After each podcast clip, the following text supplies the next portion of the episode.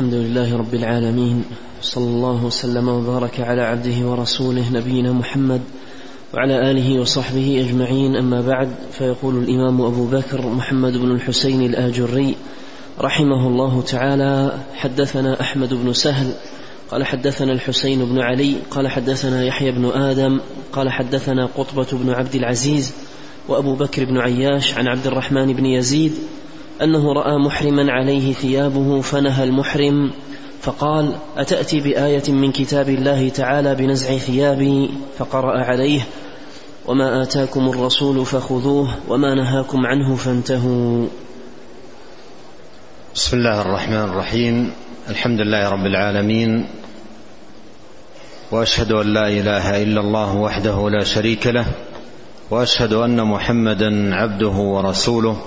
صلى الله وسلم عليه وعلى آله وأصحابه أجمعين. اللهم علمنا ما ينفعنا وانفعنا بما علمتنا وزدنا علما وأصلح لنا شأننا كله ولا تكلنا إلى أنفسنا طرفة عين. اللهم إنا نسألك علما نافعا ورزقا طيبا وعملا متقبلا. أما بعد هذه بقية آثار ساقها الإمام الآجري رحمه الله تعالى في الرد على من لا يأخذ بالسنة النبوية ويزعم أنه إنما يأخذ بالقرآن فقط. والحق أن من لم يأخذ بالسنة لم يأخذ بالقرآن. ومن رد السنة فهو راد للقرآن. ومن كذب بشيء من السنة فهو مكذب بالقرآن. لأن الله سبحانه وتعالى أمر في غير ما آية من كتابه عز وجل بالأخذ عن رسوله الكريم وتلقي ما جاء به بالقبول ائتمارا بأمره عليه الصلاة والسلام وانتهاء عن نهيه. وتصديقا لأخباره كما قال الله عز وجل وما آتاكم الرسول فخذوه وما نهاكم عنه فانتهوا. وكما قال سبحانه وتعالى فلا ربك لا يؤمنون حتى يحكموك فيما شجر بينهم ثم لا يجدوا في أنفسهم حرجا مما قضيت ويسلم تسليما. والآيات في هذا المعنى كثيرة. أورد رحمه الله تعالى هذا الأثر عن عبد الرحمن بن يزيد أنه رأى محرما عليه ثيابه فنهاه فنهى المحرم أي نهاه عن لبس الثياب حال الإحرام لأن مما لا يخفى أن لبس الثياب محظور من محظورات الإحرام. وفي الحديث لما سئل النبي صلى الله عليه وسلم ما يلبس المحرم قال لا يلبس القمص ولا العمائم ولا البرانس ولا السراويل.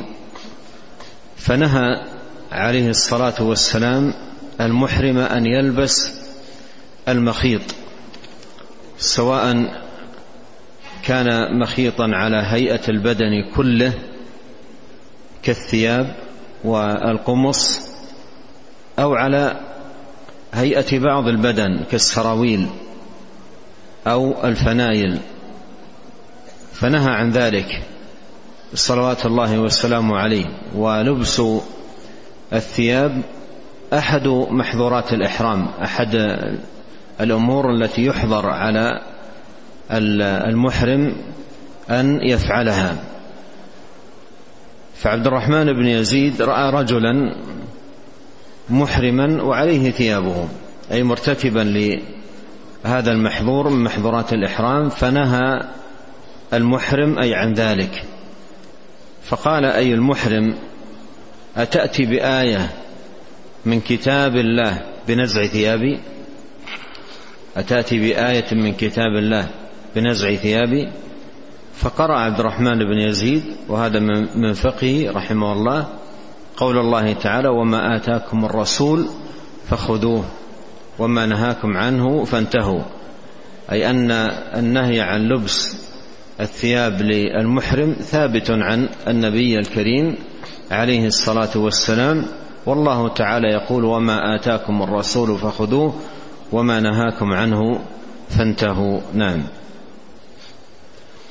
قال رحمه الله تعالى حدثنا أبو محمد الحسن بن علوية القطان قال حدثنا عاصم بن علي قال حدثنا الليث بن سعد عن يزيد بن أبي عن يزيد بن أبي حبيب عن بكير بن عبد الله بن الأشج أن عمر بن الخطاب رضي الله عنه قال إن ناسا يجادلونكم بشبيه القرآن فخذوهم بالسنن فإن أصحاب السنن أعلم بكتاب الله تعالى. قال حدثنا أبو بكر بن أبي داود قال حدثنا عيسى بن حماد زغبة قال حدثنا الليث بن سعد عن يزيد بن أبي حبيب عن بكير بن الأشج أن عمر بن الخطاب رضي الله عنه قال سيأتي ناس يجادلونكم بشبهات القرآن فخذوهم بالسنن فإن أصحاب السنن أعلم بكتاب الله تعالى. ثم أورد رحمه الله تعالى هذا الأثر عن أمير المؤمنين الخليفة الراشد عمر بن الخطاب رضي الله عنه. وهذا الأثر تقدم إيراد المصنف رحمه الله تعالى له في الباب الذي قبله. وقول عمر رضي الله عنه إن ناسا يجادلونكم بشبه القرآن. المراد بشبه بشبيه القرآن المراد بشبيه القرآن أي المتشابه أو المشتبه. وهكذا ورد الأثر عن عمر في بعض المصادر بهذا اللفظ بمشتبه القرآن في بعض المصادر بمتشابه القرآن. وقد قال الله سبحانه وتعالى هو الذي أنزل عليك الكتاب منه آيات محكمات هن أم الكتاب وأخر متشابهات. فأما الذين في قلوبهم زيغ فيتبعون ما تشابه منه ابتغاء الفتنة وابتغاء تأويله. وفي هذا الأثر أرشد عمر رضي الله عنه إلى الطريقة المثلى في الرد على أهل الزيغ الذين ذكر الله سبحانه وتعالى من حالهم وأمرهم أنهم يتبعون ما تشابه منه أي من القرآن ابتغاء الفتنة وابتغاء تأويله. فأرشد عمر رضي الله عنه إلى الطريقة المثلى في الرد على هؤلاء بأن يؤخذوا بالسنن. فإذا احتج أحدهم بآية على أمر ما يحتج عليه بالسنن لأن النبي صلى الله عليه وسلم أعلم. بكتاب الله. وكلامه عليه الصلاة والسلام مفسر للقرآن ومبين وموضح. فيقول رضي الله عنه إذا إن أناسا يجادلونكم بشبيه القرآن أي بمتشابه القرآن فجادلوهم أو فخذوهم بالسنن فإن أصحاب السنن أعلم بكتاب الله تعالى. أعلم بكتاب الله تعالى. وقول عمر رضي الله عنه أهل السنن أعلم بكتاب الله هذا يستفاد منه فائدة تتعلق بكتب التفسير. أن أصح كتب التفسير وأحسنها وأسلمها الكتب التي اعتنت بالتفسير بالمأثور وهي كثيرة جدا. الكتب التي اعتنت بالتفسير بالماثور بدءا بالتفاسير المنقولة عن الأئمة المتقدمين ثم ما جاء بعد بعد ذلك من كتب حوت ما تفرق في الكتب الكثيرة والمصنفات العديدة. مثل تفسير الإمام ابن جرير الطبري ومن بعده أيضا تفسير الإمام ابن كثير رحمه الله. فهذه التفاسير تفاسير مباركة وعظيمة لعنايتها في بيان آية القرآن بالسنن الماثورة عن النبي الكريم عليه الصلاة والسلام وبالآثار المروية عن الصحب الكرام ومن اتبعهم بإحسان. نعم. قال رحمه الله تعالى وأخبرنا يوسف بن يعقوب القاضي قال حدثنا أبو الربيع يعني الزهراني قال حدثنا جرير يعني ابن عبد الحميد عن منصور عن إبراهيم عن علقمة قال قال عبد الله لعن الله الواشمات والمستوشمات والمتفلجات للحسن المغيرات لخلق الله تعالى. فبلغ ذلك امرأة من بني أسد يقال لها أم يعقوب كانت تقرأ القرآن فأتته فقالت له ما حديث بلغني عنك أنك لعنت الواشمات والمتوشمات والمتفلجات للحسن المغيرات لخلق الله تعالى. فقال عبد الله رضي الله عنه وما لي لا ألعن من لعن رسول الله صلى الله عليه وسلم وهو في كتاب الله تعالى. فقالت لقد قرأت ما بين لوحي المصحف فما وجدت هذا؟ قال فقال عبد الله رضي الله عنه لئن كنت قرأتيه لقد وجدتيه. ثم قال وما آتاكم الرسول فخذوه وما نهاكم عنه فانتهوا. وأخبرنا يوسف بن يعقوب قال حدثنا محمد بن أبي بكر المقدمي قال حدثنا عبد الرحمن بن مهدي قال حدثنا سفيان عن منصور عن إبراهيم عن علقمة عن عبد الله رضي الله عنه قال لعن رسول الله صلى الله عليه وسلم الواشمات فذكر فذكر نحو الحديث قبله. قال حدثنا أحمد بن سهل الأشناني قال حدثنا الحسين بن علي قال حدثنا يحيى بن آدم قال حدثنا المفضل بن مهلهل عن منصور عن إبراهيم عن علقمة عن عبد الله رضي الله عنه أن امرأة من بني أسد وذكر الحديث نحوه. أورد رحمه الله تعالى هذا الأثر عن الصحابي الجليل عبد الله بن مسعود رضي الله عنه أنه لعن قال لعن الله الواشمات والمستوشمات. الوشم معروف وهو أن يؤتى بإبرة ويغرز في بها في موضع من البدن غرز ثم يوضع في مكان هذه الغرز إما كحل أو نحو ذلك فيبقى لونا على نقش معين تجعله الواشمة من تصنع الوشم وهو محرم بل من كبائر الذنوب لأن اللعن يدل على أن الأمر كبير وقد صح عن نبينا عليه الصلاة والسلام لعن الواشمة والمستوشمة.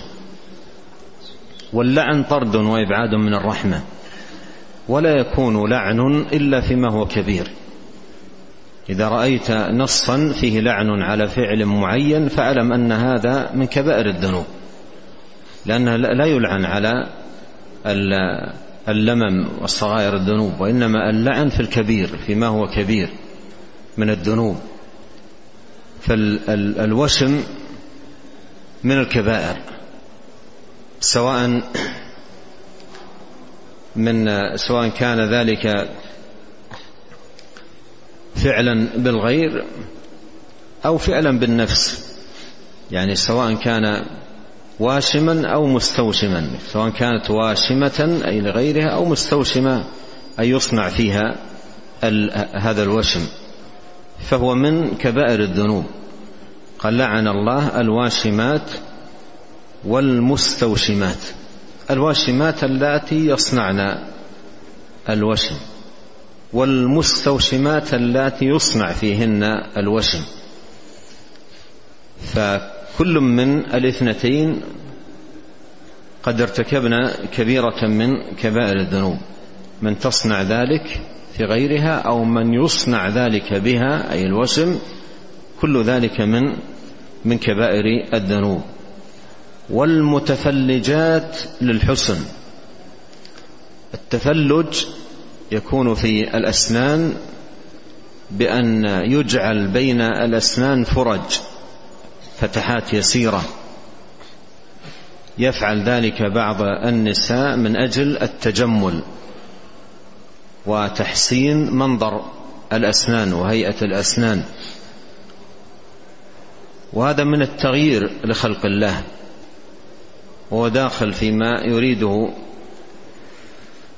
الشيطان أعاذنا الله وأهلينا منه وذرياتنا والمسلمين. مما يريده الشيطان من بني آدم ولآمرنهم فلا يغيرن خلق الله. فهذا من التغيير لخلق الله. من التغيير لخلق الله. قال والمتفلجات للحسن المغيرات لخلق الله. المغيرات لخلق الله. فبلغ ذلك امرأة من بني أسد يقال لها أم يعقوب. كانت تقرأ القرآن. كانت تقرأ القرآن. فأتته رضي الله عنه فقالت له ما حديث بلغني عنك؟ أنك لعنت الواشمات والمستوشمات والمتفلجات للحسن المغيرات لخلق الله. فقال عبد الله وما لي لا ألعن من لعن رسول الله صلى الله عليه وسلم وهو في كتاب الله. وهو في كتاب الله. كأنه الله تعالى أعلم يعرف من حال هذه المرأة أنها تقرأ القرآن أنها تقرأ القرآن. فأراد أن يلفت انتباهها إلى هذا المعنى ألا وهو أن الأخذ بالسنن الثابتة عن النبي الكريم عليه الصلاة والسلام أخذ بالقرآن. ورد السنن الثابتة عنه عليه الصلاة والسلام رد للقرآن وتكذيب بالقرآن. فأراد بقوله وهو في كتاب الله أن ينبه أن ينبهها على هذا المعنى. أن ينبهها على هذا المعنى. قال وهو في كتاب الله. في كتاب الله لا يعني بقوله في كتاب الله أي أنه نص في القرآن على لعن الواشمة. ليس في القرآن آية فيها التنصيص على لعن الواشمة والمستوشمة. لكن في القرآن آيات فيها الأمر بالأخذ بما جاء به الرسول. والرسول عليه الصلاة والسلام صح عنه لعن الواشمة هذا هذا المراد بقوله رضي الله عنه هو في كتاب الله. فقالت لقد قرأت القرآن ما بين لوحي المصحف. يعني من أوله إلى آخر المرأة قارئة القرآن فما وجدت هذا فما وجدت هذا. أي لم أجد هذا الحكم منصوصا عليه في القرآن. أكد لها المعنى السابق الذي قرره وأنه موجود في كتاب الله. قال لئن كنت قرأت لقد وجدته كنت قرأت القرآن وجدت هذا الحكم في القرآن. ثم تلا رضي الله عنه قول الله تعالى وما آتاكم الرسول فخذوه وما نهاكم عنه فانتهوا. والنبي صلى الله عليه وسلم صح عنه لعن الواشمة والمستوشمة. والله يقول وما آتاكم الرسول فخذوه وما نهاكم عنه فانتهوا. فالأخذ بهذا الحديث أخذ بالقرآن أخذ بهذه الآية. من لم يأخذ بهذا الحديث وغيره من الأحاديث عن الرسول عليه الصلاة والسلام لا يكون عاملا بهذه الآية ونظائرها الآمرة بالأخذ بما جاء به الرسول والرد إليه صلوات الله وسلامه وبركاته عليه. حول هذا المعنى الذي قرره ابن مسعود رضي الله عنه تأتي عبارات لأهل العلم مثل قول الإمام الشافعي يعني قد يستشكلها من يسمعها لأول مرة لكن على المعنى الذي ذكر ابن مسعود رضي الله عنه الأمر واضح. يقول الشافعي رحمه الله ما نزل بأحد من المسلمين نازلة إلا وفي, كت... إلا وفي كتاب الله سبيل الدلالة عليها. إلا وفي كتاب الله سبيل الدلالة عليها. نعم. قال رحمه الله تعالى وحدثنا أحمد بن سهل أيضا قال حدثنا الحسين بن علي قال حدثنا يحيى بن آدم قال حدثنا ابن المبارك عن عبد الملك بن أبي سليمان عن عطاء في قول الله تعالى فإن تنازعتم في شيء فردوه إلى الله والرسول. قال إلى الله إلى كتاب الله وإلى الرسول إلى سنة رسول الله صلى الله عليه وسلم. نعم وهذا محل إجماع بين أهل العلم المتقدمين والمتأخرين أن المراد بالرد إلى الله أي الرد إلى كتابه والرد إلى الرسول عليه الصلاة والسلام في حياته بالرجوع إليه والأخذ عنه مباشرة عليه الصلاة والسلام وبعد موته بالرد إلى سنته. وهذا محل إجماع عند أهل العلم وحكى الإجماع على ذلك غير واحد من العلماء رحمهم الله تعالى. فإن تنازعتم في شيء فردوه إلى الله والرسول. إن كنتم تؤمنون بالله واليوم الآخر. قال إلى الله إلى كتابه وإلى الرسول صلى الله عليه وسلم إلى سنته إلى سنته. نعم. قال حدثنا أبو بكر عبد الله بن محمد بن والشاهد من الآية للترجمة واضح. لأن الله سبحانه وتعالى أمر بالرد إلى السنة في التنازع. فمن قال لا أرد إلا إلى القرآن مكذب بهذه الآية. مكذب بهذه الآية. فإن تنازعتم في شيء فردوه إلى الله والرسول. والرد إلى الرسول بإجماع أهل العلم الرد إلى السنة. فمن لم يعمل بالسنة ويأخذ بها هو مكذب بهذه الآية. ومكذب بقوله وما آتاكم الرسول فخذوه ونظائرها من الآيات. نعم. قال رحمه الله تعالى حدثنا أبو بكر عبد الله بن محمد بن عبد الحميد الواسطي قال حدثنا زهير بن محمد المروزي قال أخبرنا الحوطي عبد الوهاب ابن نجدة قال حدثنا بقية بن الوليد قال, قال حدثنا سوادة بن زياد وعمر بن مهاجر عن عمر بن عبد العزيز أنه كتب إلى الناس أنه لا رأي لأحد مع سنة سنها رسول الله صلى الله عليه وسلم. ثم أورد رحمه الله هذا الأثر عن عمر بن عبد العزيز رحمه الله تعالى أنه كتب إلى الناس أنه كتب إلى الناس أنه لا رأي لأحد مع سنة مع سنة سنها رسول الله صلى الله عليه وسلم.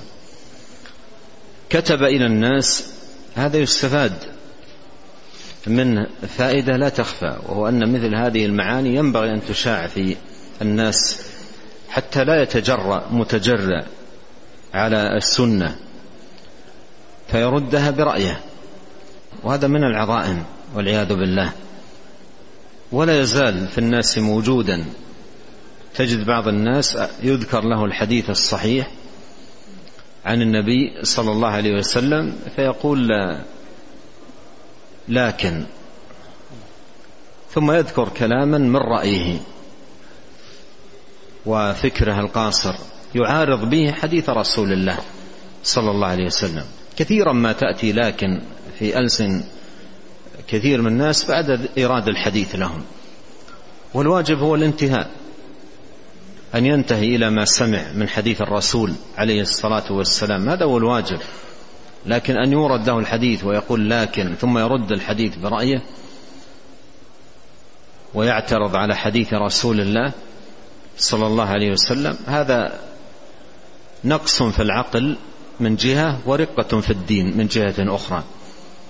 وإلا كيف يرد المرء حديثا صح عن إمام الهدى وخير عباد الله وقدوة المؤمنين صلوات الله وسلامه عليه؟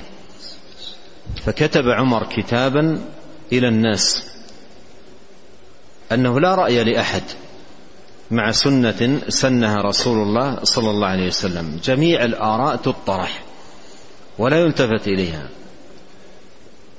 والذي يعمل هو السنة. والآراء تهمل وتطرح ولا يلتفت إلى شيء منها. ومن لطيف ما ورد في هذا الباب أن عمر بن الخطاب رضي الله عنه كان إلى جنبه رجل فسأله عن تقبيل الحجر.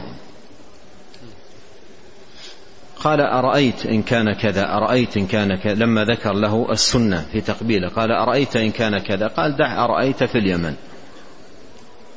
يعني ليس هناك رأيت ما دام الحديث صح عن النبي وثبت عنه عليه الصلاة والسلام. نعم.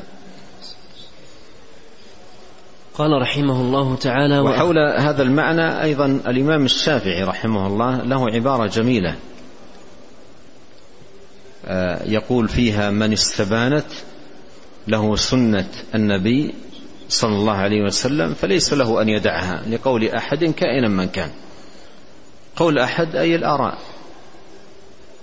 آراء الناس. فليس لأحد استبانت له السنة أن يردها بالرأي كائنا من كان ولينظر طالب العلم أول كتاب إعلام الموقعين للإمام ابن القيم رحمه الله فإن فيه فصلا طويلا يتعلق بالرأي وأقسام الرأي وما ورد من الآثار في ذم الرأي أفاض رحمه الله وتوسع في في ذلك. نعم. قال رحمه الله تعالى وأخبرنا أحمد بن عبد الجبار الصوفي قال حدثنا هاشم بن القاسم الحراني قال حدثنا عيسى يعني ابن يونس عن الأوزاعي عن مكحول قال السنة سنتان سنة الأخذ بها فريضة وتركها كفر وسنة, وسنة الأخذ بها فضيلة وتركها إلى غير حرج. ثم ختم بهذا الأثر رحمه الله تعالى عن مكحول أنه قال السنة أي الثابتة عن الرسول الكريم عليه الصلاة والسلام سنتان سنة الأخذ بها فريضة وسنة الأخذ بها فضيلة. السنة الثابتة عن النبي الكريم عليه الصلاة والسلام نوعان سنة فريضة. يعني أمور افترضها الله على العباد. وسنة فضيلة ليست بفريضة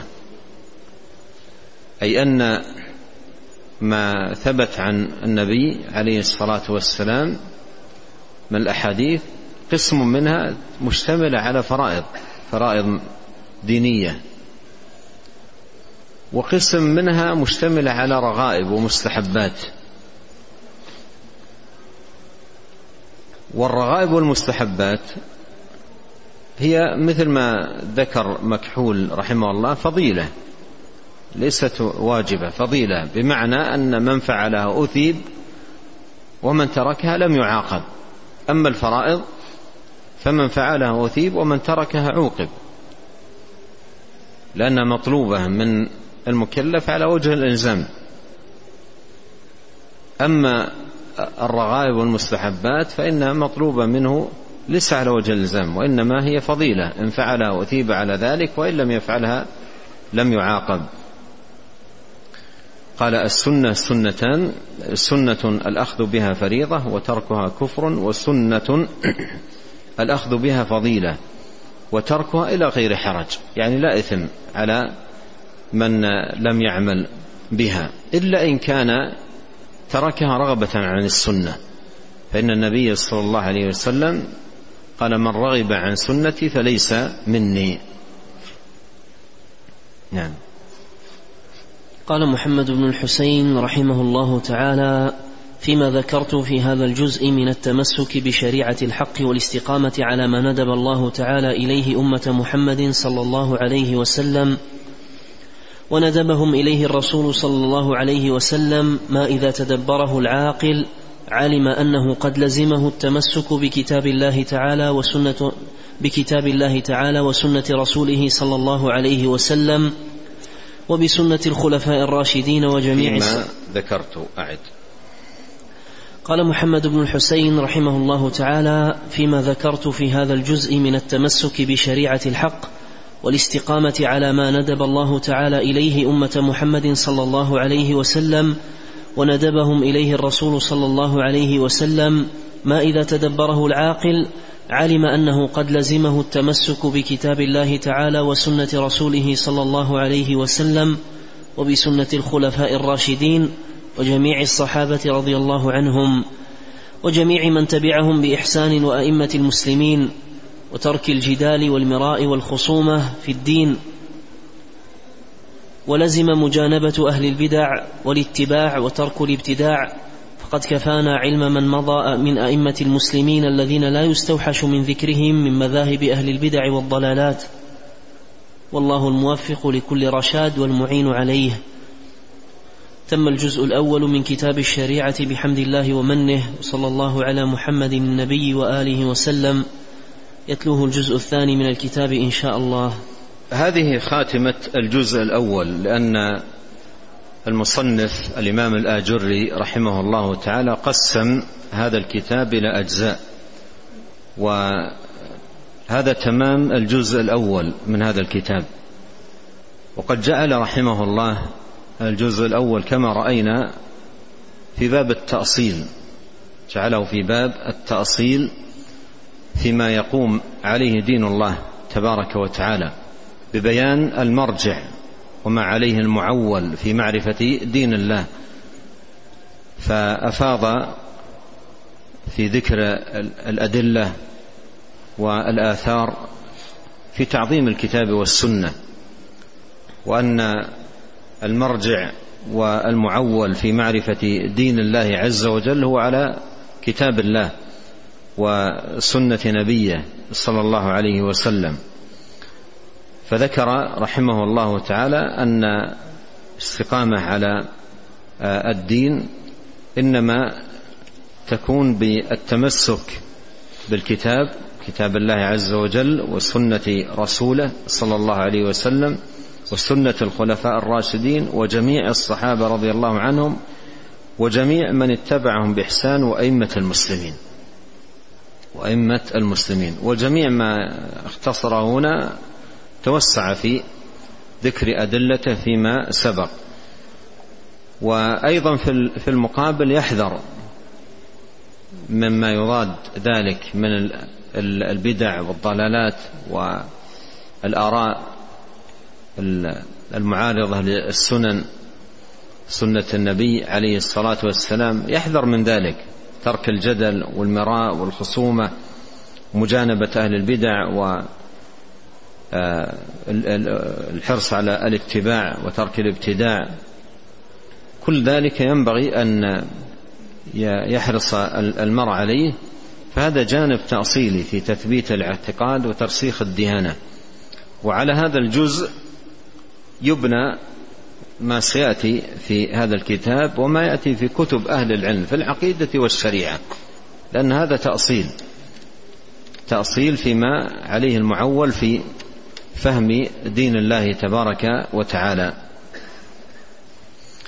قال رحمه الله فقد كفانا علم من مضى من أئمة المسلمين الذين لا يستوحش من ذكرهم من مذاهب أهل البدع والضلالات. هذه كلمة جميلة. يقول كفانا علم من مضى من أئمة المسلمين الذين لا يستوحش من من ذكرهم. عندما تأتي إلى مسألة من المسائل ثم تذكر فيها نقول عن الأئمة من الصحابة ومن التابعين. تزول الوحشة. حتى وإن رأى مثلا الناس في مجتمعه لا يعملون بها لا يستوحش لأن آه، بين يدي أئمة هدى عملوا بها فهو يأتم بهم. يأتم بمن قبله من أئمة الهدى ولا يستوحش في ترك من يراهم من الناس العمل بذلك. ممن لا يستوحش يقول رحمه الله من من ذكرهم مذاهب من لا يستوحش من ذكرهم أي من أئمة الهدى رحمهم الله تعالى. فإذا كان المرء يعيش في موطن فيه بدع وفيه ضلالات كثيرة ثم بلغته السنة والنقول عن السلف في التأكيد عليها والتعظيم لها لا يستوحش وهو يرى كثرة المخالفين لها. لا يستوحش وهو يرى كثرة المخالفين لها. وبهذا أنهى رحمه الله تعالى الجزء الأول من كتابه آه، الشريعة. ونسأل الله الكريم رب العرش العظيم أن ينفعنا أجمعين بما علمنا وأن يزيدنا علما وأن لا يكلنا إلى أنفسنا طرفة عين. من الإخوة إخوة أفاضل كرام عندهم حرص شديد على طلب العلم ورغبة عظيمة في تحصيله. لكن أحيانا يخطئ الطريق بعض الأفاضل من شدة رغبته في طلب العلم.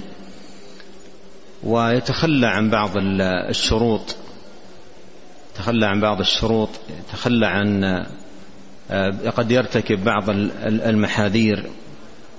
فديانة ونصيحة ونبه على ذلك. يعني مثلا آه، بعض الإخوة يأتي من بلده وبينه وبين آه، بعض الشركات اتفاق على أنه يعود. وعدم عودته يترتب عليه مضرة عظيمة لمن اتفق معه إذا تخلف فبعض الإخوة الأفاضل يتخلف رغبة في العلم رغبة في لكن المؤمنون على شروطهم. والشريعة كما جاء في الحديث لا ضرر ولا ضرار. فالواجب علينا أن نأتي الأمور من أبوابها ونتقي الله سبحانه وتعالى ومن يتق الله يجعل له مخرجا ومن يتق الله يجعل له من أمره يسرا. ويهيئ لك الله سبحانه وتعالى في تقواه ولزوم شرعه والتقيد بالشروط الواجبة من العلم والفهم والبصيرة في دين الله تبارك وتعالى ما لا تحتسب. وأسأل الله عز وجل أن يلهمنا أجمعين الصواب وأن يبصرنا بالحق والهدى وأن يعيننا على ذكره وشكره وحسن عبادته إنه تبارك وتعالى سميع الدعاء وهو أهل الرجاء وهو حسبنا ونعم الوكيل. سبحانك اللهم وبحمدك أشهد أن لا إله إلا أنت أستغفرك وأتوب إليك. اللهم صل وسلم على عبدك ورسولك نبينا محمد وآله وصحبه. جزاكم الله خيرا.